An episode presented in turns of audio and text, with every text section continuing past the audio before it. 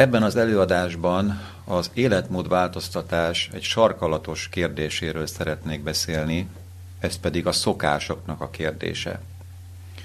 A szokásaink hálójába vergődünk sokszor. És felmerülhet bennünk a kérdés, hogy lehet-e szabadulni a bennünket megkötöző szokásokból. Hát pontosan erről fogunk beszélni a mostani előadásban. Először is tisztázzuk azt a kérdést, hogy mit nevezhetünk szokásnak. Az életünkben ott vannak a szokások, de miről is van szó egyáltalán? Az értelmező kézi szótárunk következőképpen határozza meg ezt a fogalmat. Valaki által rendszeresen végzett, rá többé-kevésbé jellemző cselekvés, illetve ez mind beidegzettség. Nagyon jól megragadták a szótár készítői ennek a fogalomnak a lényegét, hiszen benne van az, hogy a szokás rendszeres, szokás rendszeresen végzett cselekvés. Az is benne van, hogy a szokások egy-egy emberre jellemzőek, hogy ő milyen szokásokat gyakorol.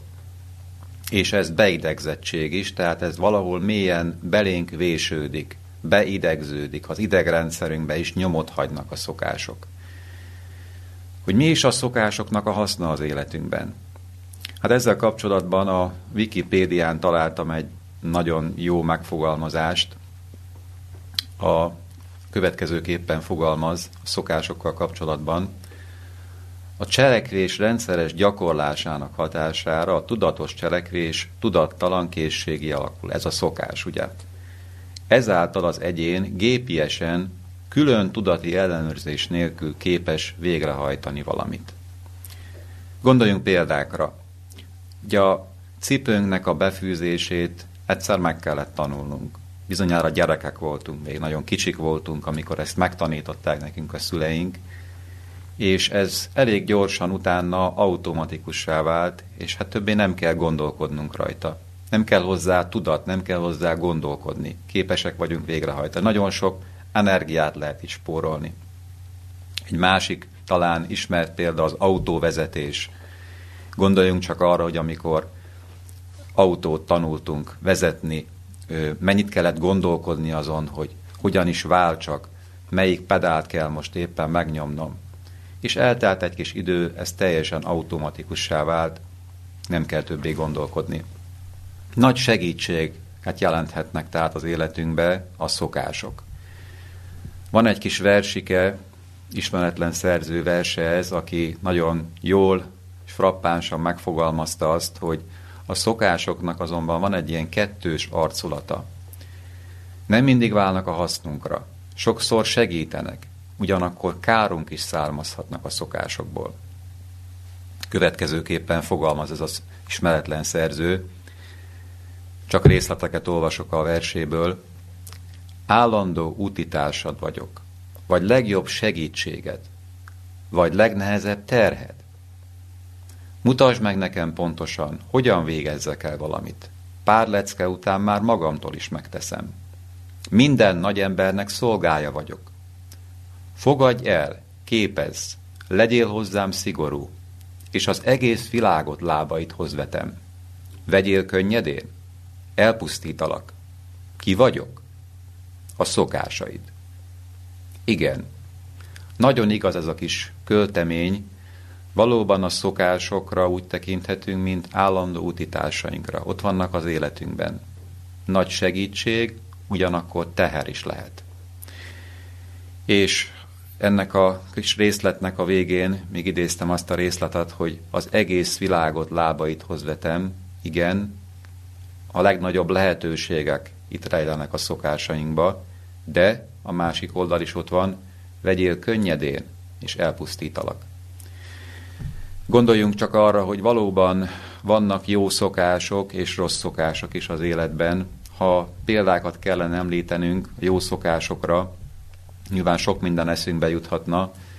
Ott van például a koránkelés, ugye, mint egy jó szokás, vagy a precíz, a gyors munkavégzés. Hány embernek ez a szokása, hogy ezt megtanulták, hogy a rendszeres testmozgás, vagy az összes egészséges életmóddal kapcsolatos szokás. Ugyanakkor a másik oldalon ott vannak a rossz szokások az életünkbe. ezzel sokszor szembeáldva, és sokszor billegünk, hogy, hogy melyiket gyakoroljuk, hogy mi fog éppen győzni az életünkbe, a koránkelés, vagy a lustaság, vagy a gyors végz, munkavégzés helyett a lassúság, vagy bejöhetnek a káros szenvedélyek és a mértéktelenség az életünkbe. Dostoyevskynek van egy híres idézete, hogy mennyire uralják a mi életünket a szokások. Így fogalmazott egyszer, azt hiszem az embert legjobban ezzel jellemezhetjük, olyan lény, aki mindent megszokik. Most nézzük meg a következő kérdést, hogy hogyan alakulnak ki a szokások az agyunkban. Ugye az értelmező kézés szótár is utalt erre, hogy egy beidegzettségről van szó. Tehát a szokások mélyen rögzülnek valahol az idegrendszerünkben, az agyunkban. Csodálatos szervünk az agyunk. 100 milliárd idegsejtből áll. Több ezer típus létezik, és még egy csodálatos tény a idegrendszerünkkel kapcsolatban, hogy egyetlen neuron, tehát egyetlen idegsejt 200 ezer másik idegsejtel kapcsolatban hormonok és neurotranszmitterek útján. Neurotranszmitterek ingerület átvívő anyagok, ezek vegyi anyagok, amiket a szervezetünk termel.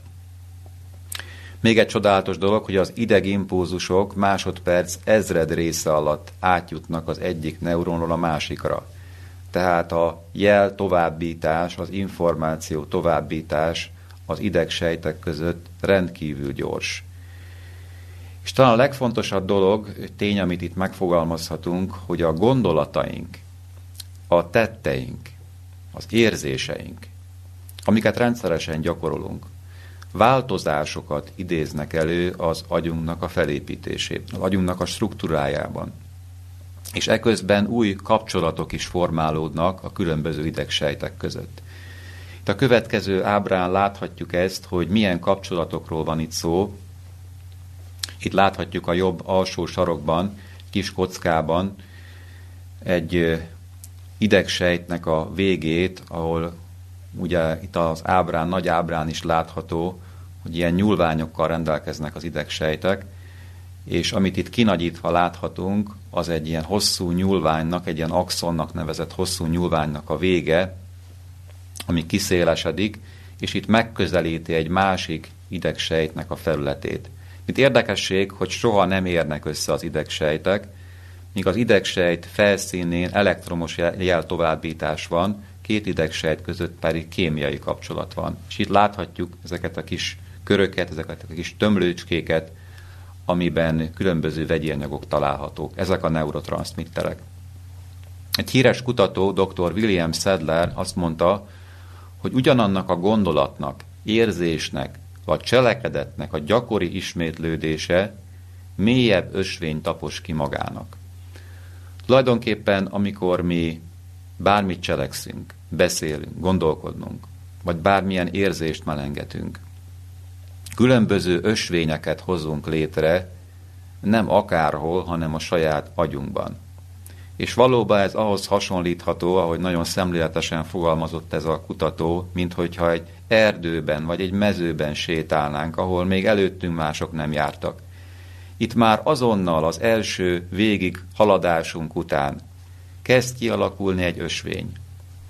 Hisz a, a fű is talán megsínli a lépteinket, vagy a növényzet, nyomot hagyunk maguk után. És hogyha valaki majd utánunk jön azon a területen, valószínűleg ezt az ösvényt fogja választani. Tehát egy ösvényt taposunk ki, erről van szó. A szokásokkal ösvények alakulnak ki az agyunkban. Szeretném felidézni Krisztina Germel felfedezését, ami nem túl régen, néhány évvel ezelőtt történt, és a Neuroscience News nevű folyóiratban jelentette meg kutatási eredményeit. Ő arra jött rá, hogy az agynak van egy csodálatos képessége, hogy a szokásszerű viselkedés, tehát a szokások és a szándékos cselekvés között képes átkapcsolni, oda-vissza kapcsolni az agyunk. Ez a kutató azt is meghatározta, felfedezte, hogy van az agyunknak egy olyan területe, amit orbifrontális kéregnek nevezünk, ez a homlok lebeny egyik részén található. Ebben, a, tehát ebben az agyi régióban bizonyos anyagok, úgynevezett endokannabinoidok teszik lehetővé ezt az átváltást. Ez az anyag egyébként a kannabiszről kapta a nevét, hisz a kannabisz, ugye ez a kávítószer is ezen a területen hat. Ezek az anyagok tehát csökkentik az idegsejteknek az aktivitását, és így képesek ezt az átváltást létrehozni. Kutató azt is leírta, hogy nagyon fontos az egyensúlyi állapotnak a megléte kétféle cselekvés között, hisz minnyáján egyrészt szokásszerűen cselekszünk, másrészt ott vannak a tudatos, a szándékos, határozott cselekedeteink. Szeretnék egy példát is mondani. Gondoljunk arra, hogy fáradtan utazunk haza mondjuk autóval valahonnan. Bizonyára megfigyeltük, hogy képesek vagyunk arra is, hogy úgy megyünk haza, ez én tapasztalatom is volt már időnként, hogy úgy érkeztem haza, hogy nem tudtam visszaidézni, hogy a kiindulási ponttól egészen hazáig hogyan jutottam el, hogy ott mi mindent láttam, mi minden volt, hisz annyira automatikusan történt a vezetés, mint hogyha robotpilóta vezette volna az autót. És hogyha esetleg így haladunk egy úton, de ott van egy útlezárás, azonnal belép a szándékos cselekvés, hisz egy új útvonalon kell hazamennünk, és ezt már nem lehet automatikusan, nem lehet a szokásokra hagyatkozva végigcsinálni ezt az útvonalat, itt már nagyon is figyelnünk kell. De az agyunknak megvan ez a képessége, képes átváltani, oda-visszaváltani, hogy ne uralkodjanak rajtunk a szokások, hogyha arra van szükség, hogy most egy új úton kell haladnunk. Újfajta cselekvésre van szükség. Ezen a fotón láthatjuk, ezen a rajzon láthatjuk a, a, ezt az agyi területet, az orbitofrontális részét az agyunknak, ahol tehát ezek az anyagok hatnak és működnek. Itt történik az átkapcsolás, a szokások és a tudatos cselekvések között. William James pszichológus így fogalmazott szokások veszélyével kapcsolatban, ha a fiatalok csak annyit megérthetnének, milyen hamar két lábon járó megszokás csomagokká válhatnak. Tehát megszokás csomagokká válhatunk. Milyen érdekes kifejezés ez. Következő kérdés, amire szeretnék rátérni, hogy lehet-e változtatni a szokásainkon? Talán ez a legfontosabb kérdés. Vannak ilyen mondásaink, amik arra utalnak, hogy mi nem nagyon hisszük el azt, hogy egy ember képes gyökeresen megváltozni. Ott van például a kutyából nem lesz szalonna mondásunk. Hát igen, sokszor így gondolkozunk egymásról. Kutyából nem lesz szalonna. Tulajdonképpen a Biblia is megfogalmaz egy hasonló gondolatot, de nézzük csak meg közelebbről. Mit is mond Jeremiás próféta, időszámításunk került 7. században élt, 13. fejezet 23. verse következőképpen fogalmaz, elváltoztathatja-e bőrét a szerecsen, és a párduc az ő foltosságát. Úgy ti is cselekedhettek jót, akik megszoktátok a gonoszt. Igen, igaz ez, hogy valóban nem lesz a kutyából szalonna? Látszólag ugyanezt mondja Jeremiás is. A szerecsen, ugye a sötétbőrű ember nem tudja elváltoztatni az ő bőre színét. A párduc nem tudja megváltoztatni az ő külsejét. És így folytatja, hogy ti is cselekedhettek jót, akik megszoktátok a gonoszt. Tehát, ha megszoktuk a gonoszt, valóban nehéz jót cselekedni. De a Biblia másút nagyon is hangsúlyozza, hogy lehetséges változtatni. Látszólag reménytelen vállalkozás, bármilyen szokásunkat megváltoztatni. Mégis lehetséges. Igen, van remény a Biblia szerint is. A kutatók is rájöttek arra, hogy mi emberek tulajdonképpen képesek vagyunk új szokásokat formálni, és ennek három szakaszát állapították meg, a szokás formálásnak tulajdonképpen három szakaszáról beszélhetünk. Én is megfigyeltem a Eleki Életmód Központban, ahol embereknek próbálunk segíteni a szokások átformálásában, hogy igen, itt különböző szakaszok vannak, és fontos, hogy segítséget is kapjunk a szokásaink átformálásában. Kutatók szerint az első szakasz, így nevezték el, hogy mézes hetek szakasza, amikor én egy új szokást próbálok beiktatni az életemben, mondjuk eldöntöm, hogy többet fogok mozogni, mint eddig, mert eddig nem mozogtam eleget. Azt tapasztalják legtöbben, hogy az első napokon ez könnyű, ez működik, és sikerül valóban elmennünk, mozognunk, amikor elhatároztunk. Ez tehát a mézes hetek időszaka. Lehet, hogy ez tovább is eltart, tehát talán néhány hétig. Utána azonban minnyáján tapasztalunk valamit, jönnek a nehézségek. Jönnek a kifogások, hogy hát most mégse megyek el, most fáradt vagyok, most nincs időm erre. Ez a második szakasz, amit így neveztek el, hogy a megküzdésnek a szakasza. Gondoljunk csak arra, hányszor volt már ilyen, hogy új év napján elhatároztunk valamit, hogy ezt így vagy úgy fogjuk tenni, és nem működött. Tehát azt érezzük, ezt tapasztaljuk, hogy küzdelembe kerül ennek a szokásnak a fenntartása. Ez a megküzdés szakasza. Itt már erőfeszítésre van szükség, sokkal nagyobb erőfeszítésre, mint az első időszakban, és hogyha valaki itt kitartó, akkor eljuthat a harmadik fázisig, ez pedig a második természet szakasza. Hát a második természetünké rögzülhet az a szokás, amit kitartóan gyakoroltunk. Itt már rögzül, beidegződik az, amit gyakoroltunk. Ez hosszabb idő általában, majd később szeretnék arra is rátérni, hogy mennyi időre van szükség, hogy egy szokás valóban rögzüljön. Itt hadd folytassam még azzal, hogy tulajdonképpen a, az életben a legfontosabb kérdés, hogy a, a rossz szokásokkal szálljunk szembe. És a rossz szokások azok, amik ö, nagyon sokat ártanak az egészségünknek, nagyon sokat ártanak a mi emberi kapcsolatainknak is. Hogyan lehet szembeszállni a rossz szokásokkal? Ezzel kapcsolatban egy könyvből szeretnék felidézni néhány egyszerű lépést. Ez a könyv Elden Chalmers amerikai pszichológusnak a könyv, ami magyar nyelven is megjelent, címe magyarul az agy csodálatos öngyógyító képessége, és ez a kutató öt egyszerű lépést fogalmaz meg, hogy mi hogyan küzdhetünk, hogyan szállhatunk szembe a mi saját rossz szokásainkkal. Az első lépés, hogy fel kell ismernünk azt valamiről, hogy rossz. Ez nyilvánvaló. Valamiről meg kell tudnom azt, hogy rossz. Hogyha ö, esetleg rosszul táplálkoztam eddig, vagy nem mozogtam, vagy kevés vizet ittam, hát valaki kell, hogy figyelmeztessen erre nézve. Ebbe segíthet egy jó könyv, segíthetnek más emberek, segíthet egy előadás.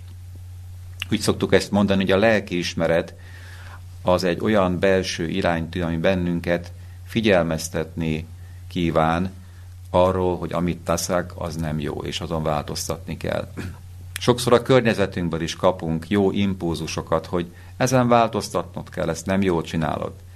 Milyen sokat segíthet néha egy barátnak a figyelmeztetése, hogy ezen változtass, ezt másképp kell csinálnod. A legfőbb mérce és a legfőbb segítség azonban maga a Szentírás, ami egy erkölcsi tankönyvnek tekinthető, ami az életbe segít nekünk abban, hogy egy érzékeny mércét, egy érzékeny képességet alakítsunk ki arra nézve, hogy mi a rossz és mi a jó. Tehát felismerés, ez az első pont. A felismerés után minek kell következnie? Chalmers szerint a döntésnek az ideje jön el, azonnal, ahogy valamiről felismertük, hogy rossz, elhatározásnak kell születnie.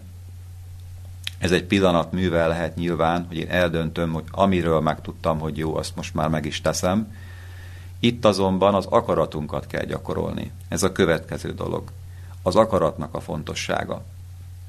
Akarattal kapcsolatban viszont számolnunk kell azzal, hogy akaratunk meggyengült. Biblia tanítása ez, hogy a bűneset óta nem számolhatunk erős, határozott akarattal a jó dolgokban, a jó kérdésében.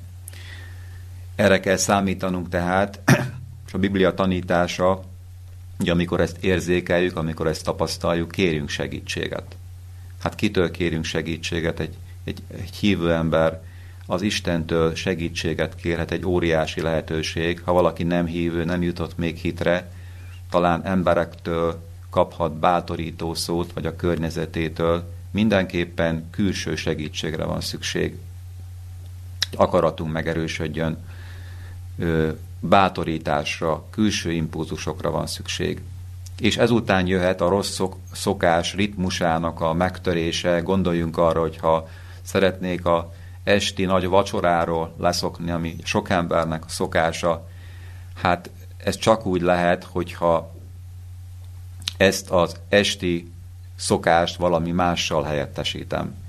Javasolni szoktuk például, hogy valami mással töltsük az időt, tervezzünk be valami olyat, amit, ami eltérít bennünket attól, hogy ne is menjünk a konyha vagy az ebédlő közelébe. Menjünk is sétálni, tervezzünk be egy beszélgetést, hogy ne valósuljon meg ez a esti nagy vacsora. Tehát megtörni a rossz szokás ritmusát, és valami új szokással helyettesíteni. Ígértem, hogy visszatérek arra a kérdésre, hogy mennyi idő kell a szokásoknak a formálásához.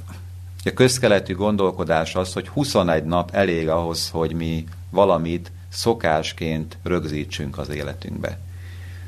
Ezzel kapcsolatban volt egy kutatás nem olyan túl régen, egy Maxwell Maltz nevű kutató, plastikai sebész volt, az, aki azt figyelte meg, hogy legalább 21 napra van szükség ahhoz, hogy valaki megszokja a műtét utáni változást. Ez lehet, hogy amputáció, lehet orműtét, vagy bármilyen műtét.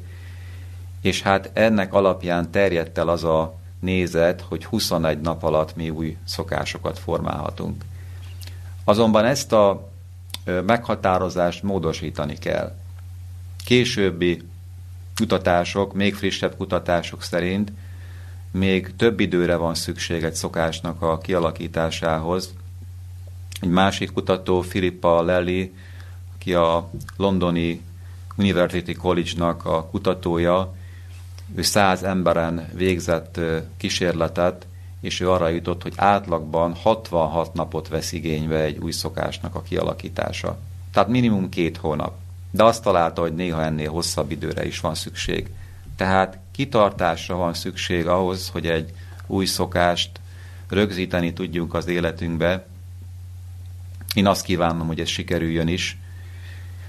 Hívő emberként kérhetünk erőt napról napra az Istentől, erőt meríthetünk a Szentírás olvasásából, az elmélkedésből, gondolkodásból is. Én azt kívánom, hogy ez valósuljon meg. Zárásképpen egy kis rövid verset szeretnék még felidézni, ami nagyon tanulságos, Charles Reed-től, aki egy angol író volt, 19. században élt, és erről a kérdésről, a szokásoknak a kialakulásáról írt egy nagyon kedves, rövid, de nagyon mély gondolatokat tartalmazó verset. Ügyelj gondolataidra, mert azok szabják meg szavaidat. Ügyelj szavaidra, mert azok szabják meg tetteidet. Ügyelj a tetteidre, mert azok szabják meg szokásaidat. Ügyelj szokásaidra, mert azok szabják meg jellemedet. Ügyelj jellemedre, mert az szabja meg sorsodat. Láthatjuk tehát, van egy lépcsőzetes felépítés ebben a versben, kiinduló pont ugye a gondolataink. Hát igen, minden a gondolkodásból indul ki. Először gondolunk valamit, aztán kimondjuk, megtesszük. Tehát a gondolatainkra vigyázzunk először. Azokból lesznek a szavak. A szavakból tettek. A tettekből szokások lehetnek. És a szokások pedig, és egy új fogalom ez, amit ő behoz ebben a versben, a jellem, tulajdonképpen a jellem is a szokásainknak az összessége, a szokásaink formálják a jellemünket. Valaki így fogalmazott, hogy a jellem az olyan, mint a személyiségünknek a gerince. Ugye van egy fizikai gerincünk is, ami milyen fontos, és a személyiségünknek, ami lelki alkatunknak a gerince, az pedig a jellem.